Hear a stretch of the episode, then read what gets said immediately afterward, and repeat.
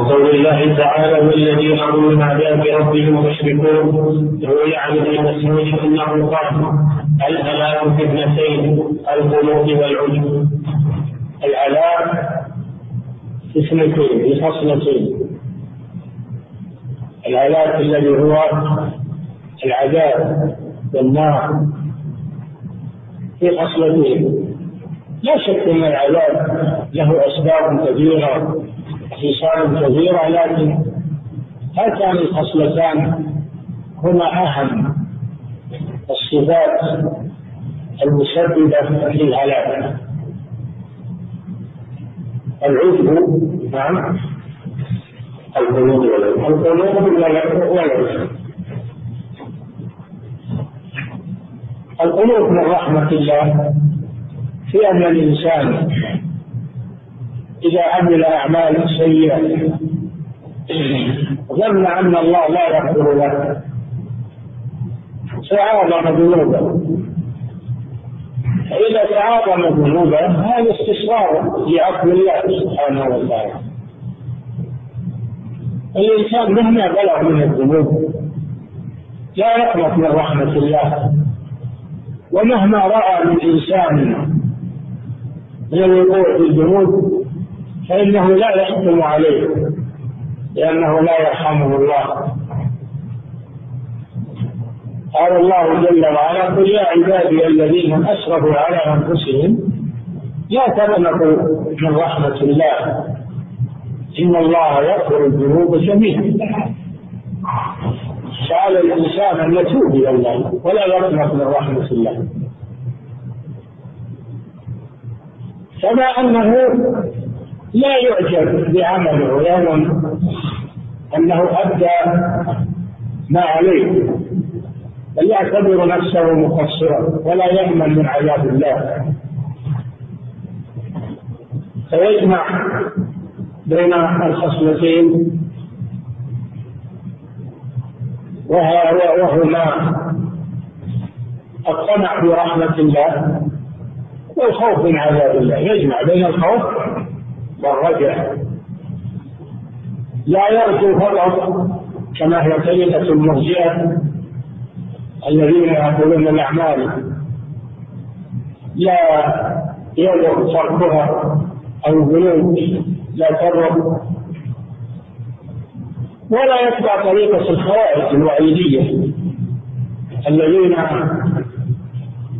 يقولون إن من فعل كبيرة من كبائر الذنوب يخرج من الإسلام.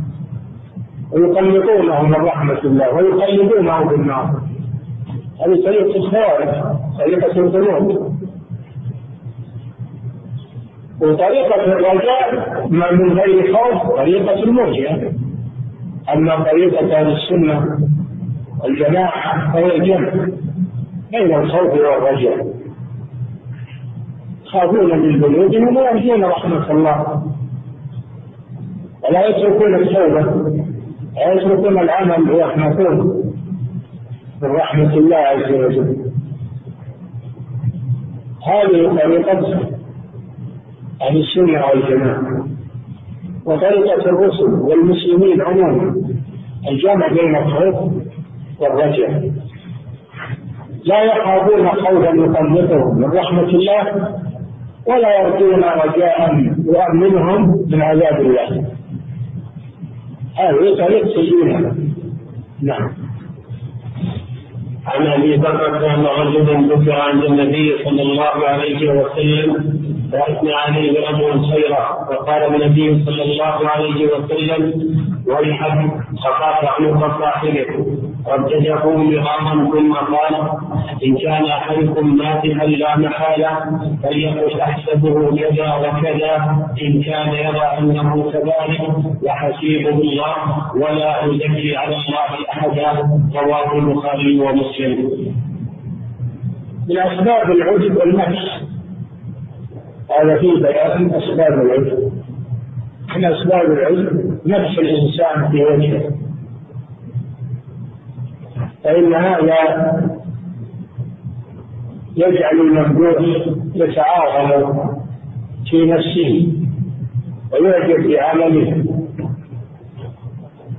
لذلك يكره المسح في الوجه أما أن يثنى عليه في المريض مع عدم حضوره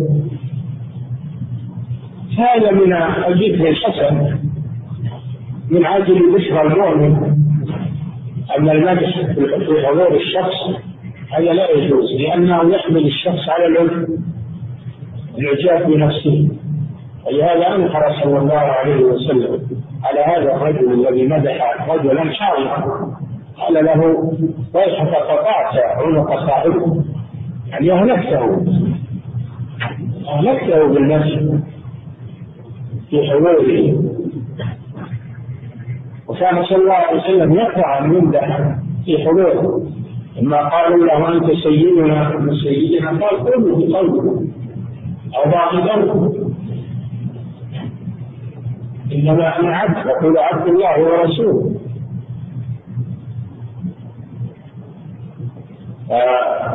لا لم يرضى صلى الله عليه وسلم أنهم يمدحوه قالوا أنت أجودنا وأنت خيرنا وابن خيرنا قال لا يستجيبنكم الشيطان.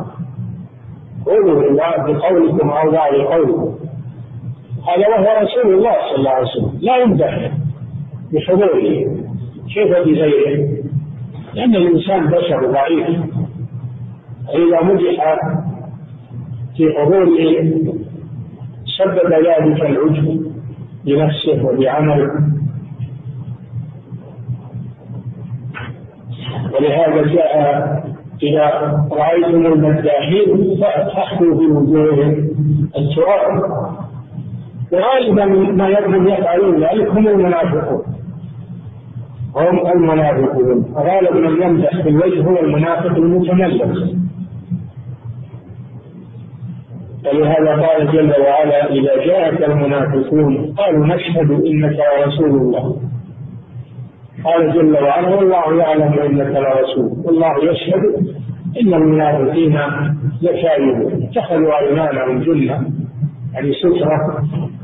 فغالب من يمدح الناس في وجوههم هم المنافقون وأهل التملك والأطماع. بل يحذر منهم يحذر من المداحين. والإنسان ما لا يعجب بنفسه ولا يسمح لأحد أن يمدحه. هذا من ناحية، الناحية الثانية إنك إذا مدحته زكيته على الله. والله يعلم من حاله ما لك عليه. فأنت زكيته على الله. وانت لا تعلم عن باطن حاله. ولا تعلم عن أعماله هذا هل هي خالصة لوجه الله أو لا هل هي متقبلة أو لا. فأنت إذا مدحته زكيته على الله. وإذا كان ولا قلت ستذكر مناقب أخيك في غيبته. فإنك تقول أحسبه كذلك. يعني هذا الذي يظهر لي والله حسيبه الله هو الذي يحاسبه ويعلم أعماله ونياته ومقاصده. هذا تأدب مع الله. وعدم تزكية أحد على الله جل وعلا. الله جل وعلا يقول فلا تزكوا أنفسكم. لا تزكي نفسك. ولا تزكي غيرك. على الله جل وعلا.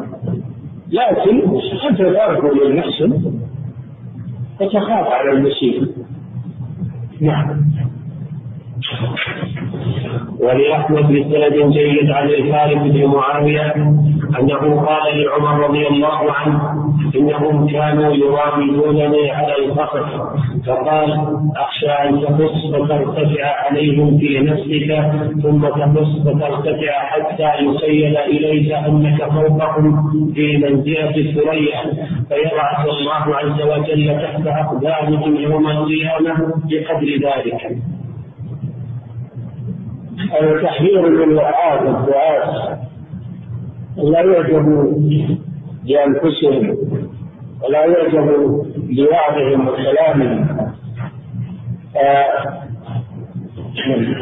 يكسبهم ذلك يترفع على الناس. فهذا الرجل قال لعمر رضي الله عنه إنهم يطلبون مني القصص. يعني الوحي. القصص هو الوحي. فعمر رضي الله عنه قال أخشى عليكم. تقص فتعجب بنفسك ثم تترفع ثم تترفع حتى يضعك الله تحت اقدامهم جزاء على الكبر والعجب. ولهذا يروى عن عمر بن عبد العزيز رحمه الله أنه كان إذا تكلم أو خطب فأعجبه كلامه سكت. وقطع الحديث خشية على نفسه. خشية على نفسه من العجب الله المستعان.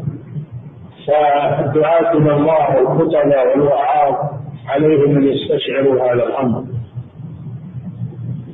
وأن لا يأخذهم العجب بكلامهم وإقبال الناس عليهم وكثرة من يحضر عندهم. لا يأخذهم العجب في هذا. بل عليهم التواضع والاعتراف بالتقصير. وأن يروا أن كلامهم هذا إنما هو قليل. لم يصلوا إلى حد المطلوب. أنهم مقصرون. وأنهم يجهلون أكثر وأكثر مما يعلمون. هذا فيه توكيد للخطباء والوعاظ والقصاص والمتحدثين لأنهم لا يأخذهم العجب بكلامهم أو بحضور الناس عندهم وكثرة الناس عندهم يأخذهم العجب بهذا. فهذا عمر رضي الله عنه نصح هذا الرجل. ولم يمنعه من من الوعظ والقصص لكنه أوصاه أوصاه بأن لا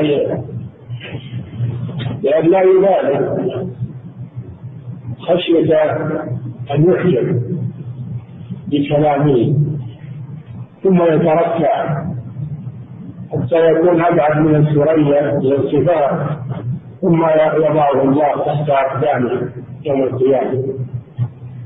لأنه جاء أن أن المتكبرين يوم القيامة يخشون أمثال الزرق يقعهم الناس نعم.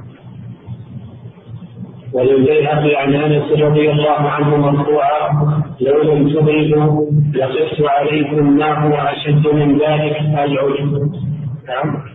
وللبيهقي عن أنس رضي الله عنه مرفوعا. لو لم تدركوا لقفت عليكم ما هو اشد من ذلك العجب. الله جل وعلا من حكمته من حكمته إنه جعل الإنسان يؤمن المسلم والمؤمن يقع منه ذنب. هذا في حكمة ومصلحة. من أجل لا يترفع ويتكبر كل ما ذكر ذنبه تواضع وخاف من الله سبحانه وتعالى. فالذنوب إذا كانت سببا للتوبة وسبب للخوف من الله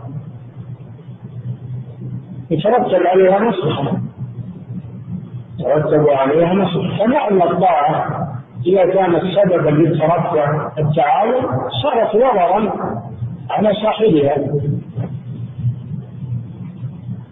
الذنوب قد يكون فيها مصلحة لأن الإنسان إذا تذكرها خاف من الله وتاب إلى الله وأما الطاعة فقد يعجب الإنسان بها فتحمله على الشرك والترفع. فهذا فيه دليل على أن وقوع الذنوب من بعض المسلمين فيه يترتب عليه المصلحه هي ضرر في نفسها لكن يترتب عليها مصلحة الانكسار والتوبة و الخوف من الله سبحانه وتعالى. فليدرك التائب خير من المطيع المعجب. وأقرب إلى الله من المطيع المعجب بطاعته. نعم. ولذلك لما لما تعاظم إبليس بنفسه جمع ذلك عليه اللعنة والطرد من رحمة الله. ولما تواضع آدم عليه السلام واعترف بذنبه وتاب إلى الله رفعه الله عز وجل. رفعه الله عز وجل. فصار في في معصية آدم مصلحة له. مصلحة لآدم بأنه تواضع لله وخاف من الله وتاب إلى الله. نعم. باب الكبرياء والسمع وقول الله من الإعجاب من من الكبائر. من الكبائر الرياء والسمعة. والرياء لما يرى من الأعمال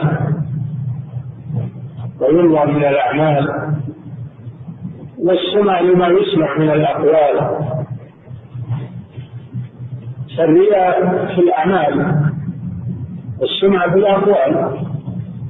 وذلك لأن يتصدى حتى يثنى عليه أو يصلي من الليل أو يصلي النوافل حتى يثنى عليه.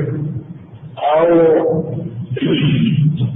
هذا من هذا من فإذا أحب أن يطلع الناس على عمله ويثنوا عليه فهذا هو الإله وهذا يثبت العمل الذي وقع فيه. أو أن يجهر بالذكر ويحسن التلاوة من أجل أن يمدحه الناس يجتمعون عليه ويصلون صفوف وراه من أجل من أجل أن يكسب ثناءهم عليه. هذا من السمعة. هذا من السمعة.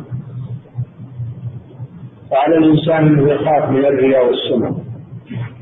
يخلص أعماله وأقواله لله عز وجل. نعم.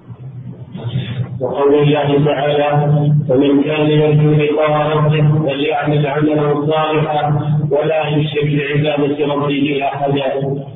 قال تعالى لنبيه صلى الله عليه وسلم قل إنما أنا بشر مثلكم.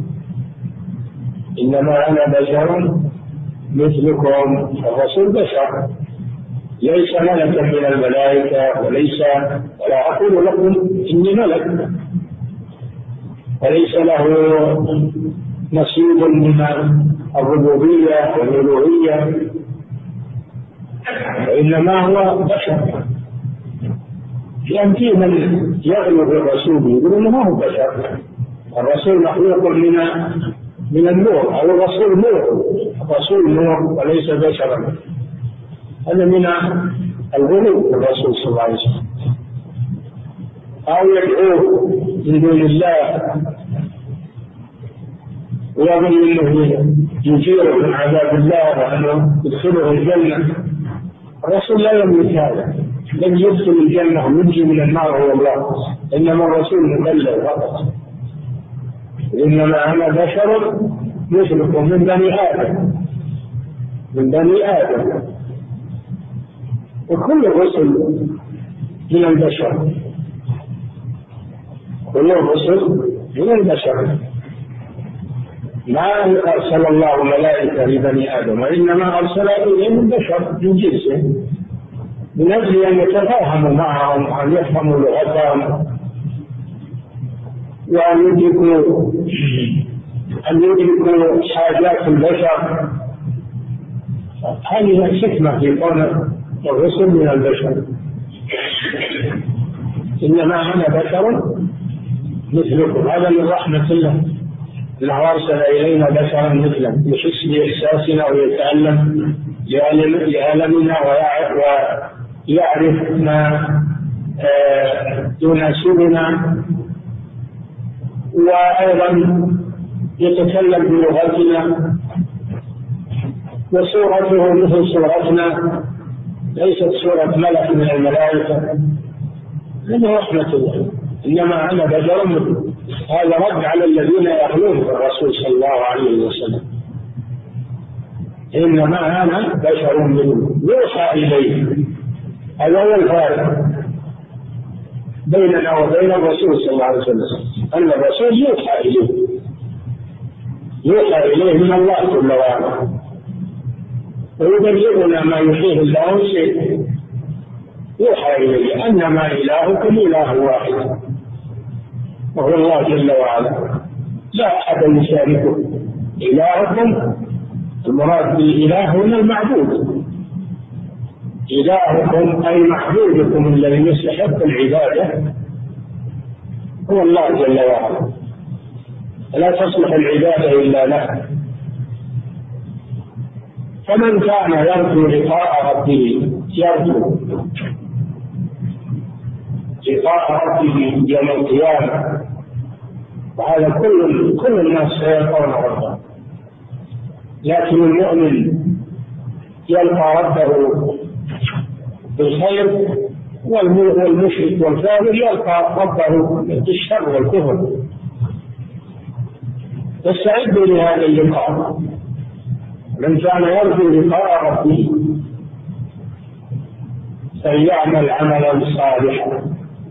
ولا يشرك بعبادة ربه أحدا بهذين الشرطين. يعمل عملا صالحا.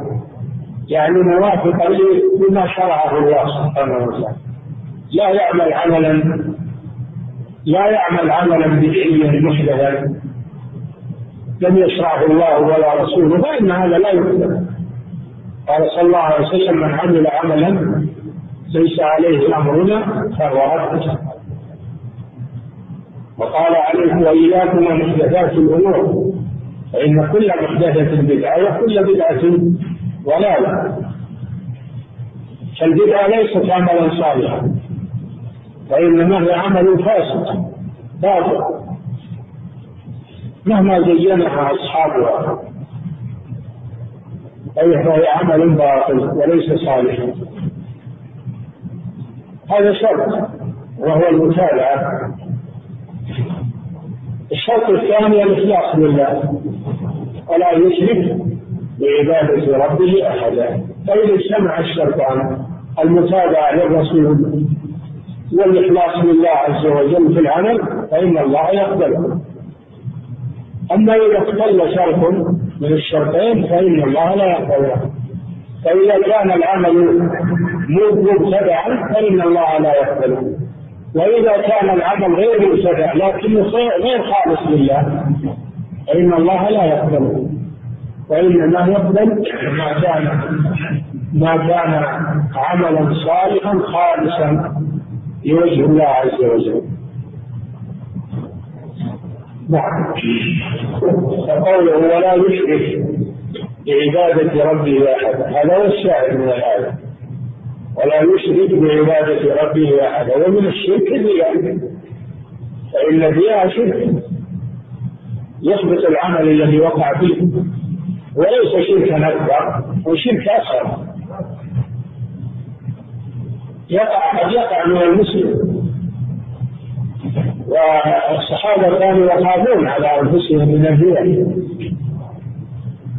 أما رياء المنافقين وهو اللي ما عنده إيمان أبدا فهذا يثبت العمل كله لأن الرياء على قسمين رياء المنافقين هذا لا ليس له أساس ابدا. يعملون بظاهرهم دون قلوبهم. والنوع الثاني الرياء الذي يصدر من المسلم ومن المؤمن وهو أن يقرا عليه هاجس أو يقرا في نفسه حب المدح وحب اطلاع الناس على عمله. فيثبت ذلك هذا العمل الذي وقع فيه. ويكون تابا عليه بلا داعي ولذلك يحرص الإنسان على الإخلاص لله. ولو طرأ عليه شيء من العواجز وحب الثناء فإنه يدفع ذلك ويتذكر أن هذا يحبط عمله فيتركه. يتركه ويخلص العمل لله عز وجل ولا يضره إلى إذا ترك الرياء وأقبل على الله لا يضره ذلك إما إن استمر معه فإنه يدخل عنه نعم. عن جابر بن عبد الله رضي الله عنه قال قال رسول الله صلى الله عليه وسلم من سمع سمع الله به ومن يضاهي يضاهي الله به اخرجاه إن سمع أي أحب الناس أن يسمعوا قراءته وذكره لله عز وجل. فإن الله يسمع به جزاء له بمعنى أن الله يفضحه يوم القيامة. يفضحه يوم القيامة. ويسمع الناس ذمه يوم القيامة. ويريد بالتسميع العظمة لكن في يوم القيامة يكون هذا التسميع ذلة له. نقيض ما قصد والعياذ بالله. ومن رأى رأى الله والرياء يكون في الأعمال. رأى الله به يوم القيامة. وقد جاء في الحديث أن الله جل وعلا يوم القيامة يقول للمراعين اذهبوا إلى الذين كنتم تراءونهم في الدنيا. هل تجدون عندهم جزاء؟ في يوم القيامة يكون هذا العمل مردودا على صاحبه. وسيأتي في الحديث ما يدل على هذا. إنه يوم القيامة يطلع أمام الخلائق. وكان في الدنيا يتستر ولا يدون الناس. ما يدرون الوراء يشوفون يتصدق يظنون أنه يتصدق بنية صالحة. يصلي يظن أنه يصلي بنية صالحة. ما بس النفس والدم يقرأ القرآن ويظن أنه يتقرب إلى الله. أو ما دري انه يريد أن الناس يسمعونه ويثنون عليه أما الله جل وعلا فإنه يعلم. واذا كان يوم القيامة أظهر الله ما كان يخفيه في الدنيا وفضحه أمام الناس الذين كانوا يحسنون به الظن. نعم. قيل معنى من سمع سمع الله به أي فرح أي فرحه يوم القيامة. ومعنى من يراقي اي من أظهر العمل الصالح لله ليعذب عندهم يراقي به الله قيل معناه إظهار سريرته للناس. اي نعم يظهر الله يوم القيامة تكون أعماله مردودة لا يقبل منها شيء لأنها تفقد الإخلاص. نعم. ولهما عن عمر رضي الله عنه قال قال رسول الله صلى الله عليه وسلم إنما الأعمال بالنيات وإنما لكل امرئ ما نواه. نعم العبرة ليست بصورة العمل إنما العبرة بالنية والقصد. قد تكون صورة العمل جيدة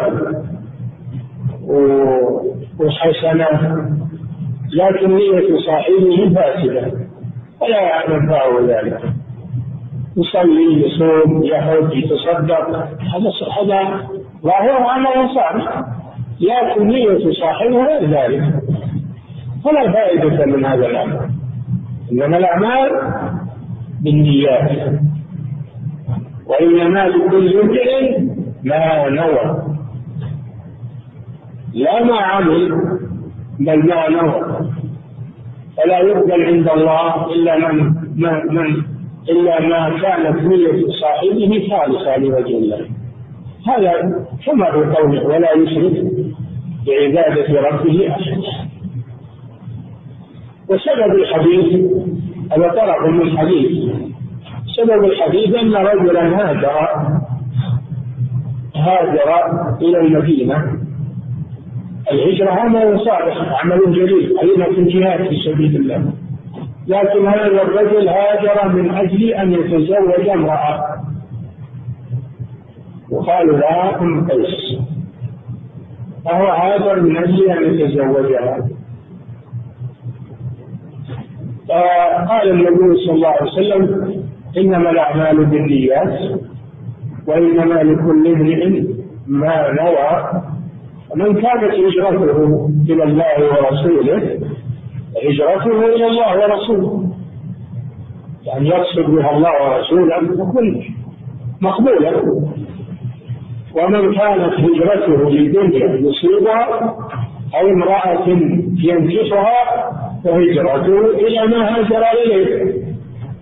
وليست لله عز وجل وإنما هي للمرأة أو للمال.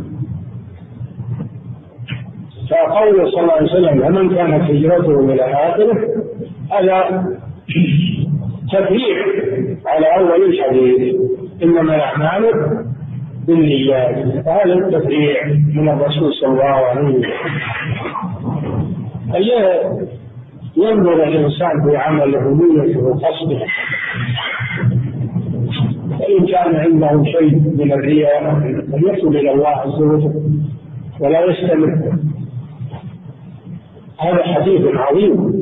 إنما الأعمال بالنيات إنما لكل امرئ ما نوى. قاعدة عظيمة من قواعد الشرع.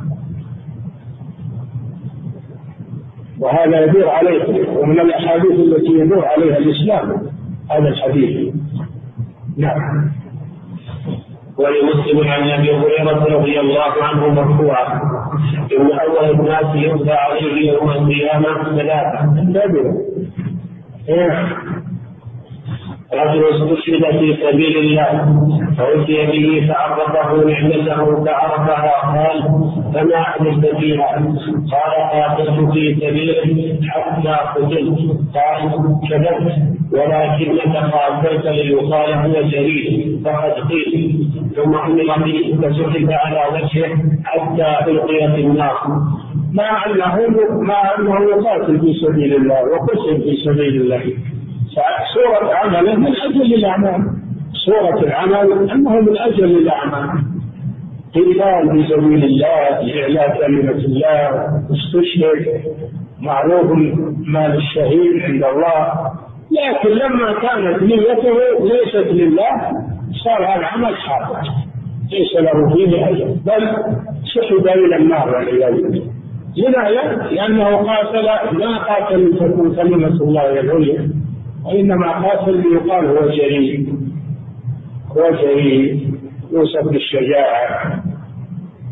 نعم. ورجل تعلم العلم وعلمه وقرأ القرآن فأتي به فعرفه نعمه فعرفها قال فما عملت فيها؟ قال تعلمت العلم وعلمته وقرأت فيك القرآن. قال كذبت ولكنك تعلمت ليقال هو عالم وقرأت ليقال هو خالق فقد قيل. ثم أمر به فسحب على وجهه حتى ألقي في النار. وهذا الأول في المساعد وهذا في العلماء. تنبه هذا في العلماء طلبة العلم. الذين يطلبون العلم لوجه الله عملهم على أن سلك طريقا يلتمس به علما سهل الله له. به طريقا إلى الجنه إذا كان قصد طالب العلم وجه الله فإنه يحصل على أجر المتعلم. الذي سلك طريقا يلتمس به علما أما إذا كان قصد المتعلم يقول علشان انه ياخذ الشهادة اتوظف بها هذا يريد الدنيا وإن كان يريد الحياة الدنيا وزينتها يوصل إليهم أعمالهم فيها وهم فيها لا يحسن أو يتعلم من أجل أن يمدح يصير منزلة عند الناس قال هو عالم. هذا قصده؟ هذا يكون من أهل النار والعياذ يكون من أهل النار.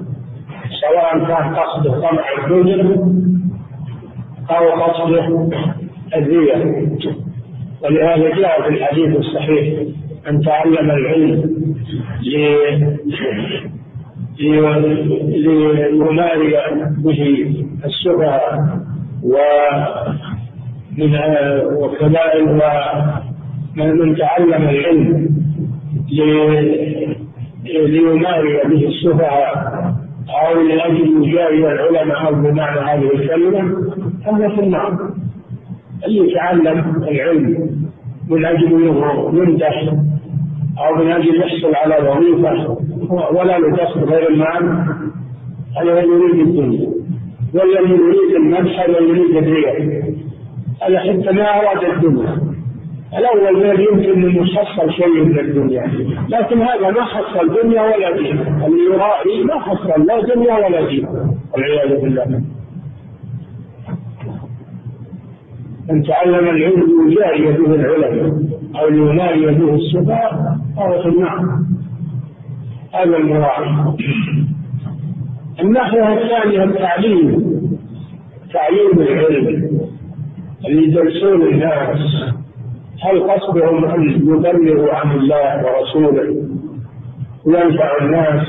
هذا الملائكة تصلي على معلم الناس الخير.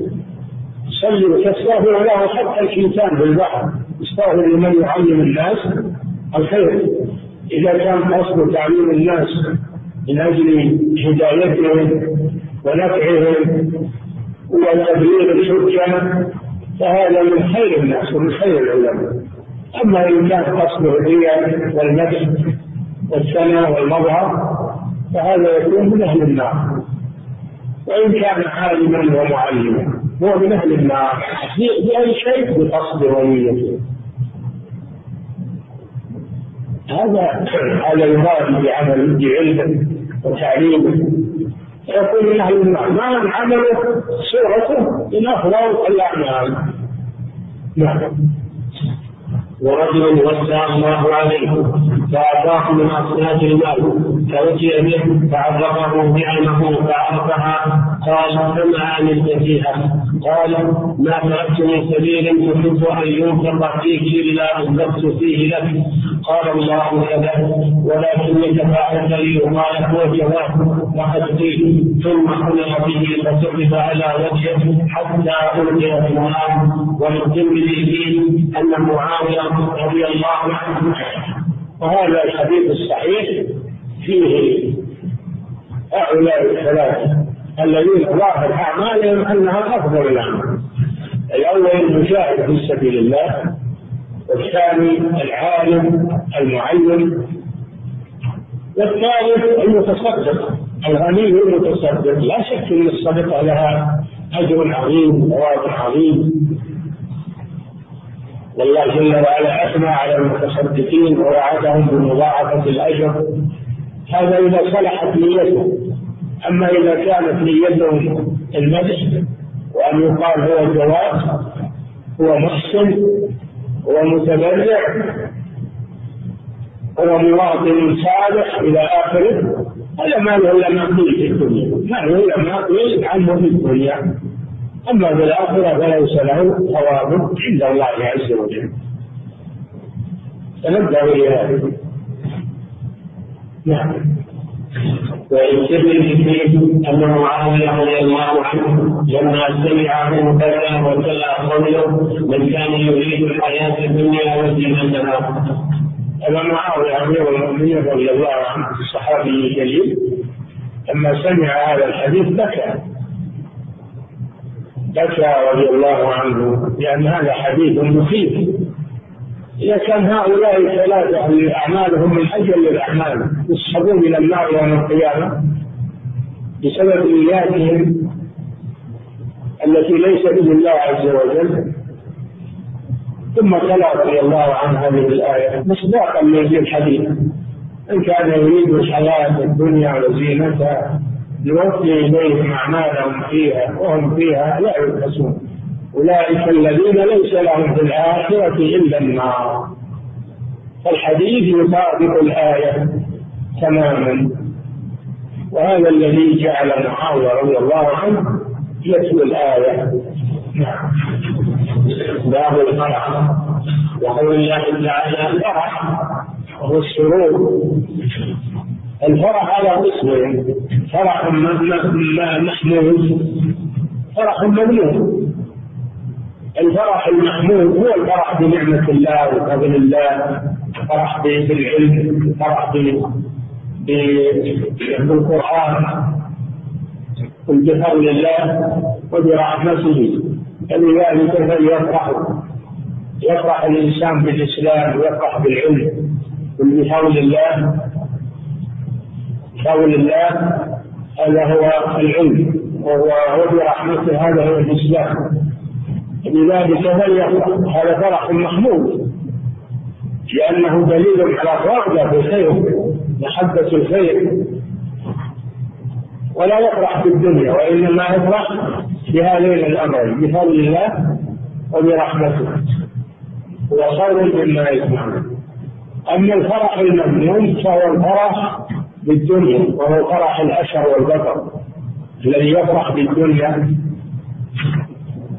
من أجل ما فيها من الملذات والمظاهر ونيل الشهوات هذا هو المذموم.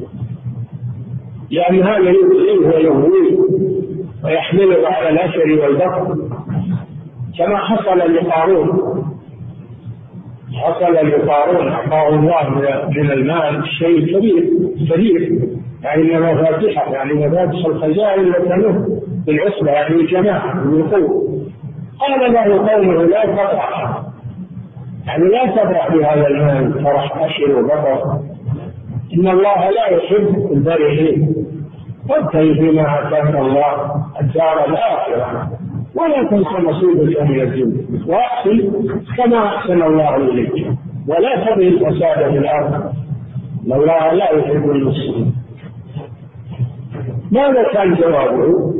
قال انما أوتيته على علم عندي قال ما لم حصل كدي وكسبي وخبرتي وليس هو فضل من الله عز وجل. فماذا كانت نتيجته؟ خسفنا به وبداره الأرض. والله جل وعلا يقول وفرحوا بالحياة الدنيا وما الحياة الدنيا في الآخرة إلا متاع. الإنسان لا يفرح. في هذه الدنيا. لكن يأخذها من الحلال ويستغني بها عن الحرام وينفقها في طاعة الله ما يأخذها لذاته وإنما يأخذها لأجل أن يتبلغ بها إلى الدار الآخرة. قال تعالى فلما نسوا ما ذكروا به فتحنا عليهم أبواب كل شيء حتى إذا فرحوا بما أوتوا أخذناهم بغته فاذا هم مبلسون. فرحوا فرحوا بما أوتوا. وأعجبوا بما أوتوا. ونسوا الله عز وجل ماذا كانت نتيجته؟ فالفرح المذموم هو الفرح بالدنيا الفرح في الدنيا. وأما الفرح المحمود فهو الفرح بالاخره والدين والعلم النافع. نعم. وقول الله تعالى إنه كان في اهله مسرورا وقوله إنه كان في اهله وامام موتي كتابه وراء ظهره فسوف يدعو ثبورا ويصلى سعيرا. إنه كان هذا السبب إنه كان في أهله يعني في الدنيا مسرورا مسرورا بالدنيا والحياة الدنيا. إنه ظن أن لن يحور ظن أنه ما يبعد وإنما هي الحياة في الدنيا فقط ونسي الآخرة. هذا الشاهد من الآية؟ كان في أهله مسرورا يعني فرح فرح بالدنيا والحياة الدنيا. ونسي الآخرة. نعم. وقوله تعالى إنا كنا قبل في أهلنا مشركين. هذا شوف الفرق. هذا كان في أهله مسرورا في الدنيا. وهؤلاء في الجنة إذا دخلوا الجنة إذا دخل أهل الجنة الجنة. والذين آمنوا واتبعتهم ذريتهم بإيمان ألحقنا بهم ذريتهم وما ألقناهم من عملهم من شيء كل امرئ بما كسب رهين وأمددناهم بفاكهة ولحم مما يشتهون يتنازعون فيها كأسا لا لهم فيها ولا تأثيم ويطوف عليهم. غلمان لهم كأنهم لؤلؤ مكنون فأقبل بعضهم على بعض يتساءلون. قالوا إنا كنا في أهلنا يعني في الدنيا. إنا كنا في أهلنا مشفقين خائفين من عذاب الله. كما في الآية التي مرت والذين هم من عذاب ربهم مشفقون. إنا كنا السبب الذي وصلنا إلى هذه المنزلة هو أننا كنا في الدنيا مشفقين من عذاب الله خائفين منه. فلما خفنا منه أنجانا الله منه وصلنا في هذه المنزل فهذا فيه فضيلة الخوف من الله عز وجل والخوف من عذاب الله. وأن الإنسان حتى لو أعطي الرؤية بحذافيرها يخاف من الله عز وجل. ولا يطيعه الماء ما يطيعه الماء داود عليه السلام آتاه الله الملك والخزائن والجنود ومع هذا كان يقول الليل يقول نصف الليل ينام نصف الليل ويقول ثلثه وينام سدسه وكان يصوم يوما ويفطر يوما. وكان يأكل من كسب يده. ما يأكل من الخزائن المالية. وإنما يصنع الدروع يبيع أو يأكل من ثمنه يأكل من كسب يده عليه الصلاة والسلام. وهو عنده الأموال وعنده ما اطرق هذه الأموال أو هذا المؤمن. هذا المؤمن الذي يستخدم الدنيا للآخرة. أما الذي يعكس الذي يستخدم الآخرة للدنيا هذا هو الخاسر. نعم. وقوله تعالى فلما لكم ما ذكروا به فتحنا عليهم أبواب كل شيء حتى إذا فرحوا بما أوتوا أخذناهم بغتة فإذا هم مبلسون نعم. الذي يحسن من رحمه الله واجعلني من غير الله وقول الله تعالى ومع كبيرة الثاني متعادلتان الياس من روح الله من رحمة الله يعني. والأمن من مكر الله. وهذا كما سبق الإشارة إليه أن المسلم المؤمن يكون معتدلا بين الخوف والرجاء فلا يخاف خوفا يقلبه من رحمة الله ولا يرجو رجاء يؤمنه من مكر الله بل يكون متوسطا بين الخوف والرجاء هذا المؤمن. أما أهل الضلال فهم على العكس منهم من غلب الرجاء وامن من مكر الله الله جل وعلا يقول إنه لا افامن مكر الله فلا يامن مكر الله إلا القوم الخاسرون. افامن مكر الله. فيه الخوف من من آه، من الله عز وجل وأن وأن الله ينفر به بمعنى يستدرجه من حيث لا يعلم بسبب ذنوب أفأمن مكر الله؟ فلا يأمن مكر الله إلا القوم الخاسرون. وكذلك يرجو رحمة الله لكن لا لا يرجو رحمة الله لكن لا يأمن من مكر الله هذا هو الطرف الأول. الطرف الثاني طرف الخوارج والوعيدية الذين يقنطون من رحمة الله يخافون خوفا يقنطه من رحمة الله. قال تعالى ومن يقنط من رحمة ربه إلا الضالون. وقال يعقوب عليه السلام يا بني يذهبوا فتحسسوا من يوسف وأخيه. ولا تيأسوا من روح الله. إنه لا ييأس من روح الله إلا القوم الكافرون. كل ما اشتد الكرب عظم الرجاء. هذا يعقوب عليه السلام اشتد به الكرب. اشتد به الكرب حتى حزن وعملت عيناه ابيضت عيناه من الحزن. وفقد أبناءه الثلاثة ثلاثة أبناء فقدهم. يوسف وبنيامين والاخ الأكبر الذي قال لا حتى يأذن بي أبي أو يحكم الله لي وهو خير الحاكمين. جاء؟ ثلاث ومع هذا ما يأس من رحمة الله. يا بني يذهبوا وتحسسوا ليوسف وأخيه ولا تيأسوا من روح الله.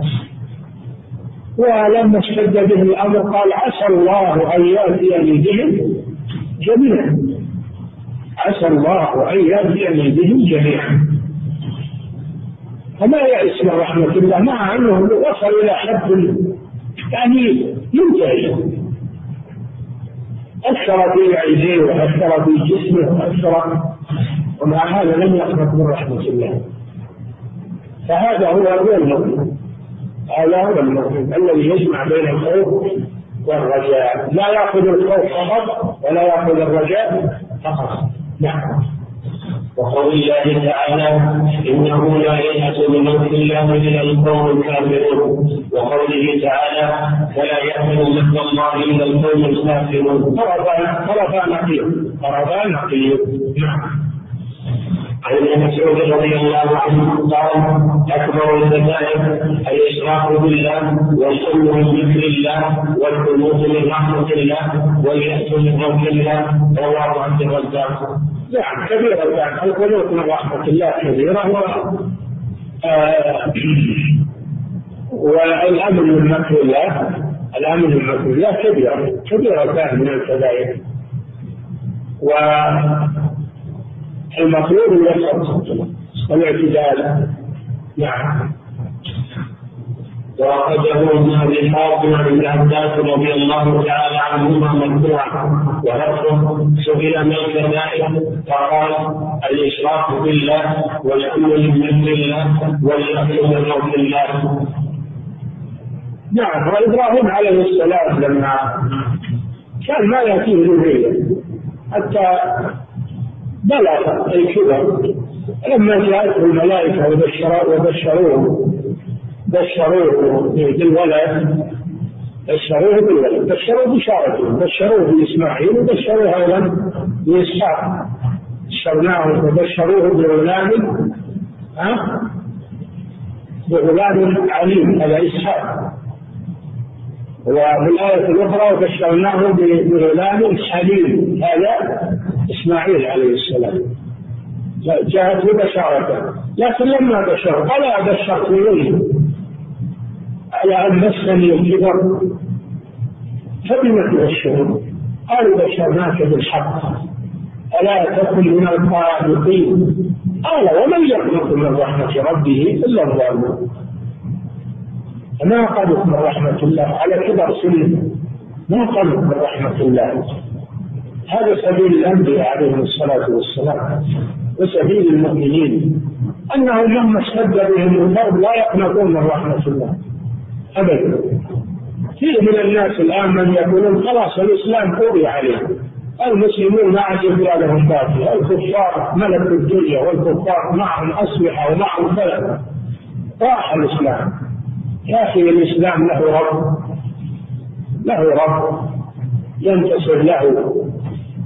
والدنيا دول والله مع المتقين والعاقبة للمتقين. مهما بلغ الكفار فإنهم إلى زوال وأما الإسلام فهو باقي والمسلمون باقون بحول الله وقوته ولهم العاقبة في الدنيا والآخرة. فلا يقنط الإنسان من رحمة الله إذا رأى هذه الأهوال وهذه الفتن العظيمة.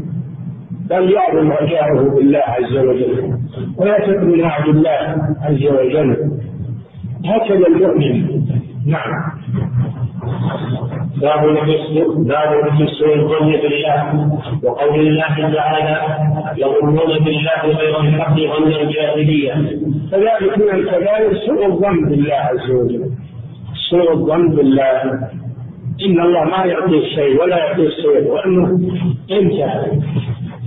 الإنسان يحسن الظن بالله مهما كانت حاله وحتى عند الموت يحسن الظن بالله.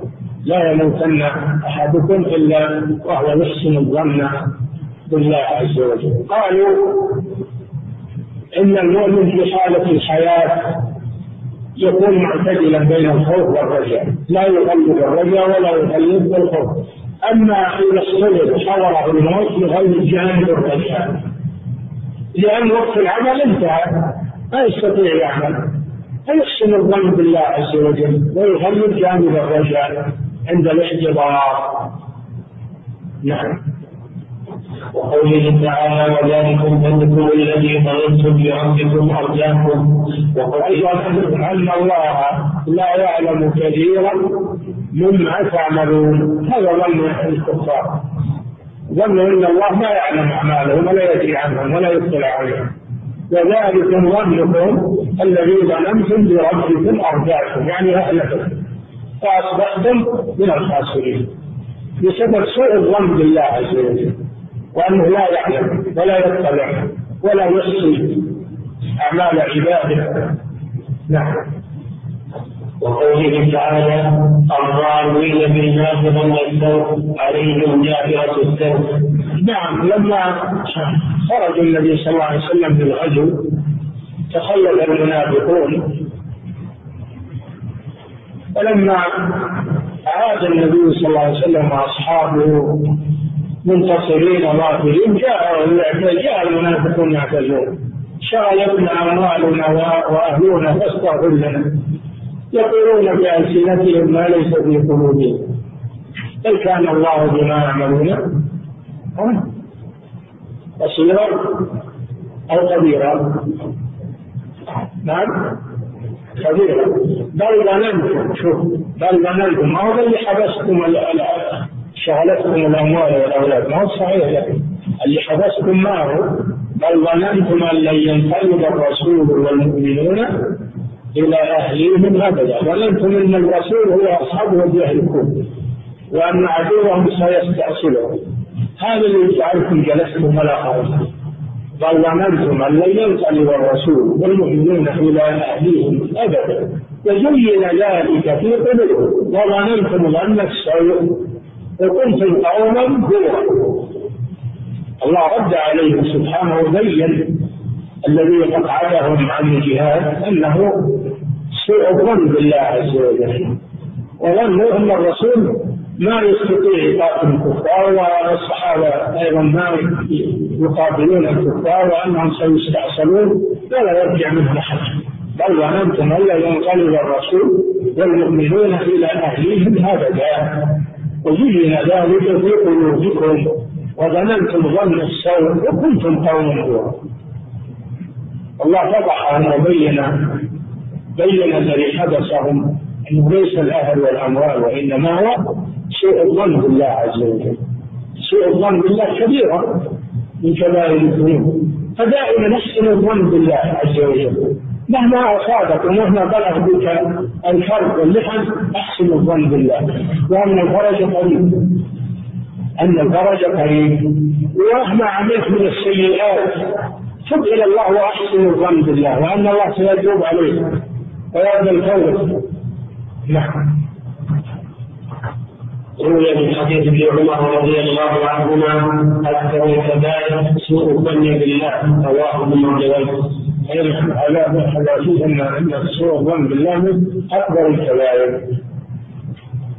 لأنه لأنه قليل الشرك بالله عز وجل. نعم.